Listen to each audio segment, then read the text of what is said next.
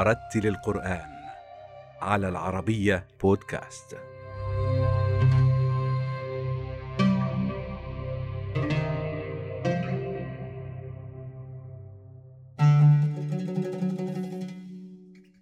نشأ القارئ محمود جمال في محافظة الجيزة بمصر في أكناف أسرة حافظة للقرآن الكريم حفظ القرآن في كتاتيب قريته قبل التحاقه بالمعهد الديني الأزهري ليتعلم التجويد وأحكامه قبل تخرجه من كلية اللغات والترجمة بجامعة الأزهر الشريف بتفوق أهله لتولي الإمامة والخطابة في عدد من المساجد دون انقطاع عن حفظ القرآن ونيل الإجازات في قراءته.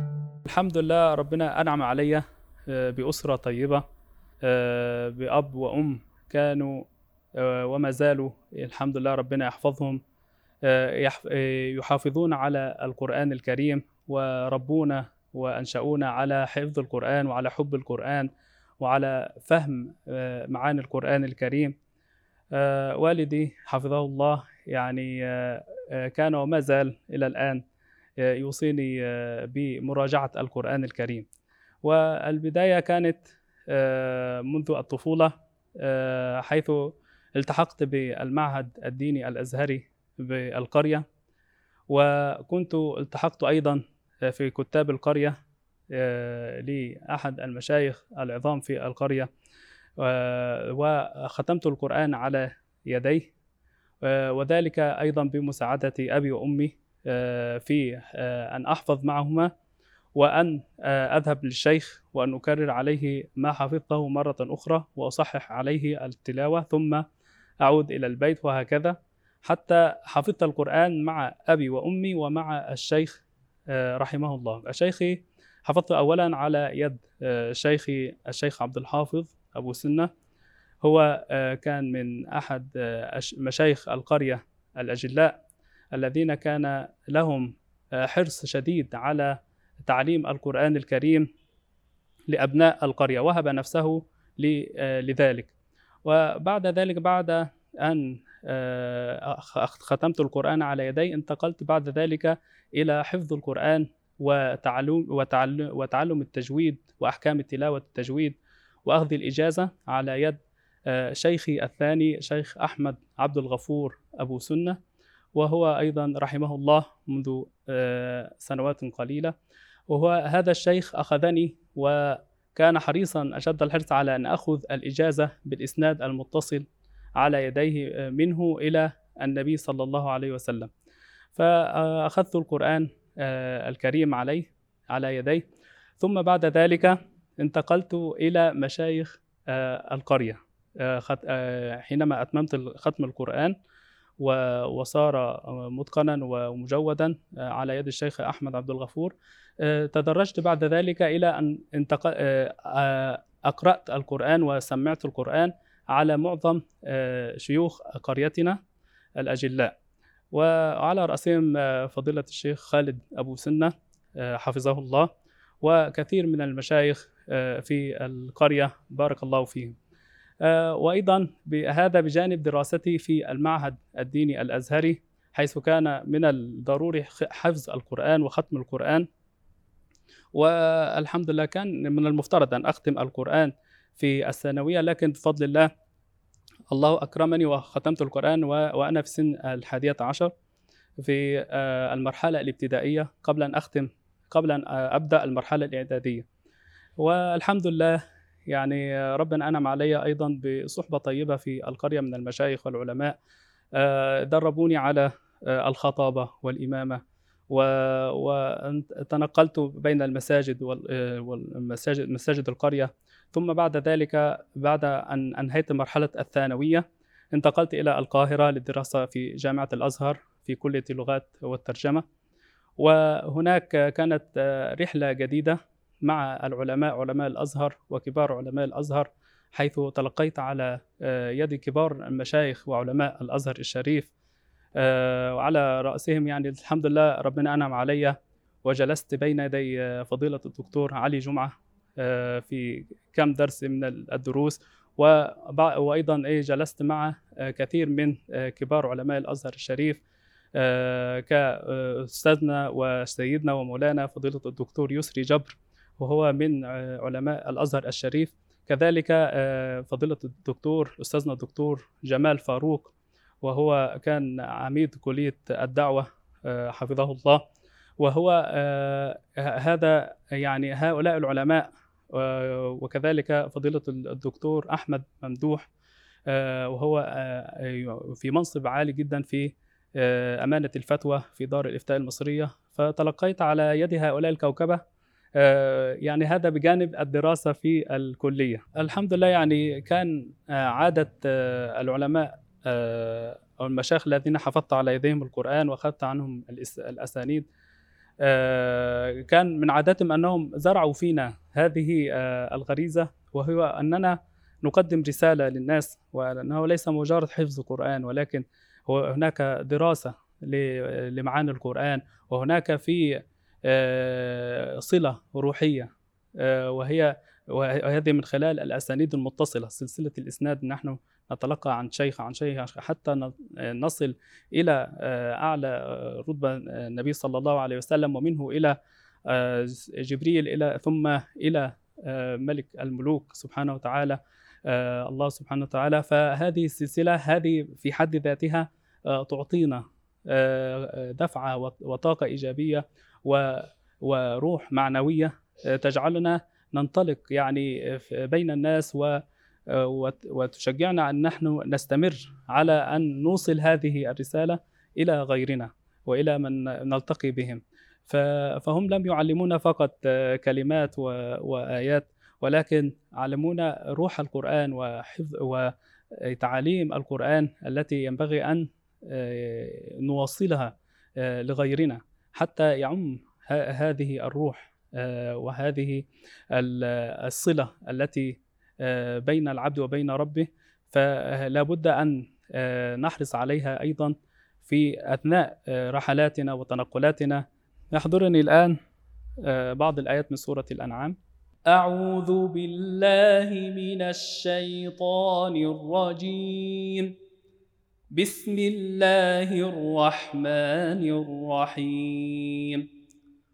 قل تعالوا أتل ما حرم ربكم عليكم ألا تشركوا به شيئا وبالوالدين إحسانا ولا تقتلوا أولادكم من إملاق نحن نرزقكم وإياهم ولا تقربوا الفواحش ما ظهر منها وما بطن ولا تقتلوا النفس التي حرم الله إلا بالحق ذلكم وصاكم به لعلكم تعقلون ولا تقربوا مال اليتيم إلا بالتي هي أحسن حتى يبلغ أشده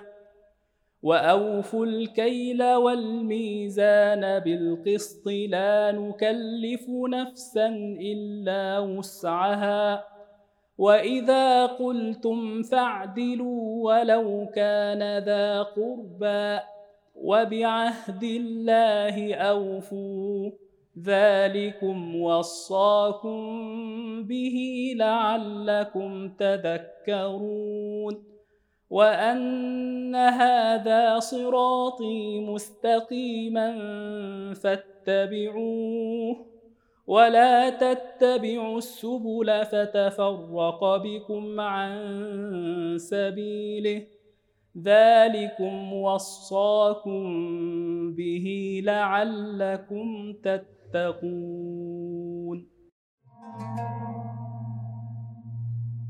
أظهر القارئ محمود جمال نبوغا أهله للفوز بمسابقة الأزهر الشريف للمبتعثين إلى الخارج وكانت وجهته بعثة البرازيل التي حل بها إماما في أحد أكبر مساجدها وهو مسجد ساو باولو الكبير. الذي يعد قبلة للآلاف من أبناء الجالية اللبنانية ومركزا اجتماعيا وثقافيا تقام فيه المناسبات والأنشطة لفائدة المجتمع المحلي من المسلمين وغير المسلمين. ويقصده طلاب الحاجة ممن تقطعت بهم السبل خاصة من المهاجرين الجدد إلى هذه البلاد. الحمد لله ربنا أنعم علينا بالأزهر الشريف. وأنعم علينا بفضيلة الإمام الأكبر الأستاذ الدكتور أحمد الطيب شيخ الأزهر الشريف. آه هذا الذي آه يعني قضى حياته وما زال في خدمة الدعوة وفي خدمة الإسلام والمسلمين وفي نشر السلام في العالم أجمع. وهو حريص على آه نشر ثقافة الأخوة الإنسانية في ربوع العالم. ليس في في العالم الاسلامي فقط أو في العالم العربي فقط ولكن في العالم كله. وجهوده ملموسة ولا أحد ينكر فضله في هذا الجانب. وهو آه، من حرصه على هذه آه، على هذا الأمر أنه آه، سخر كل الخدمات لتيسير عملية الابتعاث. ابتعاث علماء الأزهر الشريف ومشايخ الأزهر الشريف إلى دول العالم حتى ينشروا ثقافة السلام. فمن آه، إجراءات هذه المسابقة هي مسابقة آه، تعقد آه، سنويا. يعقدها الأزهر الشريف كل سنة. وهذه المسابقة لها إجراءات وشروط معقدة جدا. لا يعني ليس كل شخص يدخلها ولكن هناك شروط خاصة بمن يبعث أو يبتعث إلى دول العالم. شاركت في هذه المسابقة وقد تقدمت إليها ليس فقط بأنني خريج كلية شرعية ولكن أيضا معي لغة. فكانت المسابقة لنا يحمل الجانب الشرعي العربي والجانب الشرعي باللغة الإنجليزية. فكنا نعقد كل ما ما تم عقده من اختبارات آه، لزملائنا آه، في الكليات العربية. نحن آه، عقدنا نفس الاختبارات ثم بالإضافة إليها اختبارات خاصة باللغات. حتى الحمد لله بفضل الله نجحت في هذه المسابقة. والحمد لله ربنا أنعم علي بأنني جئت دولة البرازيل. أول المهام هو نشر آه، الثقافة ثقافة الإسلام وتعريف الناس بالإسلام لأن هناك مفاهيم مغلوطة عن الإسلام كما آه، نعرف آه، في جهات كثيرة في العالم شوهت صورة الإسلام. فدور الأزهر أو مبتعث الأزهر الأساسي هو تصحيح هذه الصورة وتعليم الناس الصورة الصحيحة للإسلام والقيام على خدمة الجاليات. الإسلامية في البرازيل آه، والوقوف إلى جانبهم. والنظر إلى ما يحتاجون إليه من آه، دراسات في العلوم المختلفة سواء في آه، دراسة القرآن وحفظ القرآن أو في دراسات الأحكام الفقهية والتفسير والحديث وغير ذلك من العلوم. فمبتعث الأزهر أيضا يكون في المسجد هو يعني خادم للمسجد وخادم للقرآن وخادم لكل أبناء الجاليات. وظيفة الإمام في آه، دولة كهذه الدولة دولة البرازيل تختلف آه، كثيرا عن الدولة التي هو فيها آه، من حيث أنه لابد أن يظهر بالمظهر اللائق الذي يعبر عن الإسلام. هو أيضا يعني في بلده لابد أن يظهر بهذا يعني وأن يكون مخلصا أمام الله سبحانه وتعالى أولا وأن يظهر بصورة صورة القدوة. هذا مع الجانب آه، مع المسلمين الذين هم مسلمين بالفعل. لكن نحن في دولة فيها غير مسلمين وهم يعرفون الإسلام من خلالنا فبالتالي يكون العبء أكبر والمسؤولية أكبر. والجهد والاجتهاد في العمل آه، يكون بشكل أكبر. فنحن نريد أن نوصل للناس الصورة صورة الإسلام الصحيحة. وأن آه، نفند كل الشبهات التي تدور حول الإسلام وكل المفاهيم المغلوطة حول الإسلام. ونشر ثقافة الوسطية آه، منهج الإسلام الوسطي الذي يتبناه الأزهر الشريف. آه، الأزهر ليس لا يتعصب لمذهب معين ولكنه يسع كل المذاهب الدينية. وأيضا يحترم كل الثقافات الأخرى ويرسخ جانب القوة الإنسانية في التعامل مع الناس. أعوذ بالله من الشيطان الرجيم. بسم الله الرحمن الرحيم. هو الذي أرسل رسوله بالهدى ودين الحق ليظهره على الدين كله وكفى بالله شهيدا. محمد رسول الله. محمد رسول الله والذين معه أشداء على الكفار رحماء بينهم.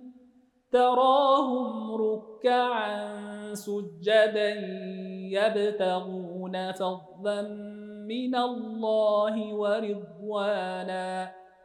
سيماهم في وجوههم من أثر السجود. ذلك مثلهم في التوراة ومثلهم في الإنجيل كزرع أخرج شطأه فآزره فاستغلظ. فآزره فاستغلظ فاستوى على سوقه.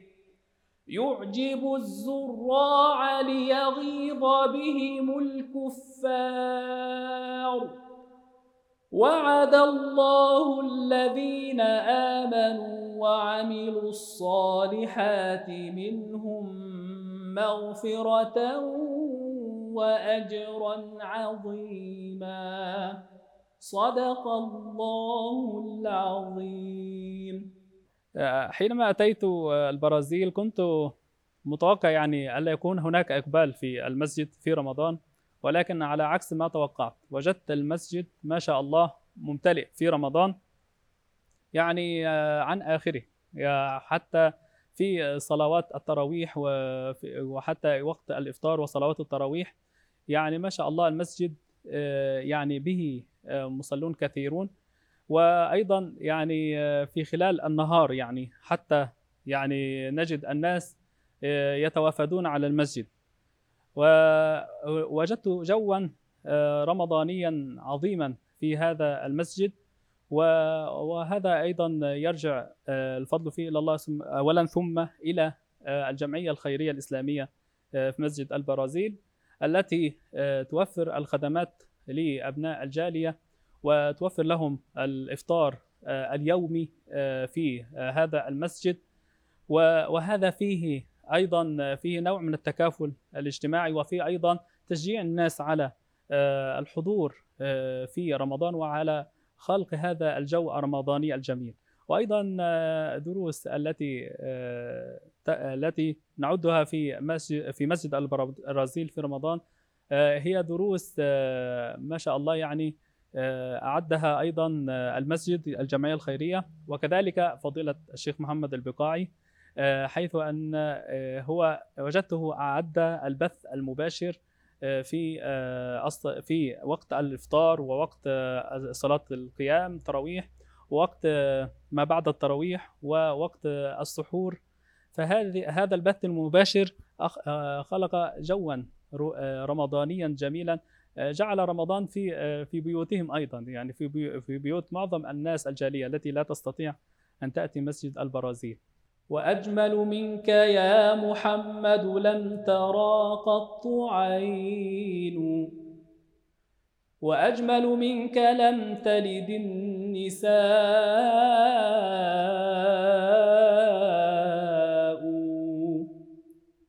خلقت مبرأ من كل عيب كأنك قد خلقت كما تشاء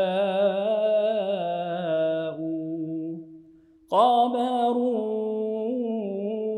قمرون قمر سيدنا النبي قمرون وجميل وجميل وجامل سيدنا النبي وجميل.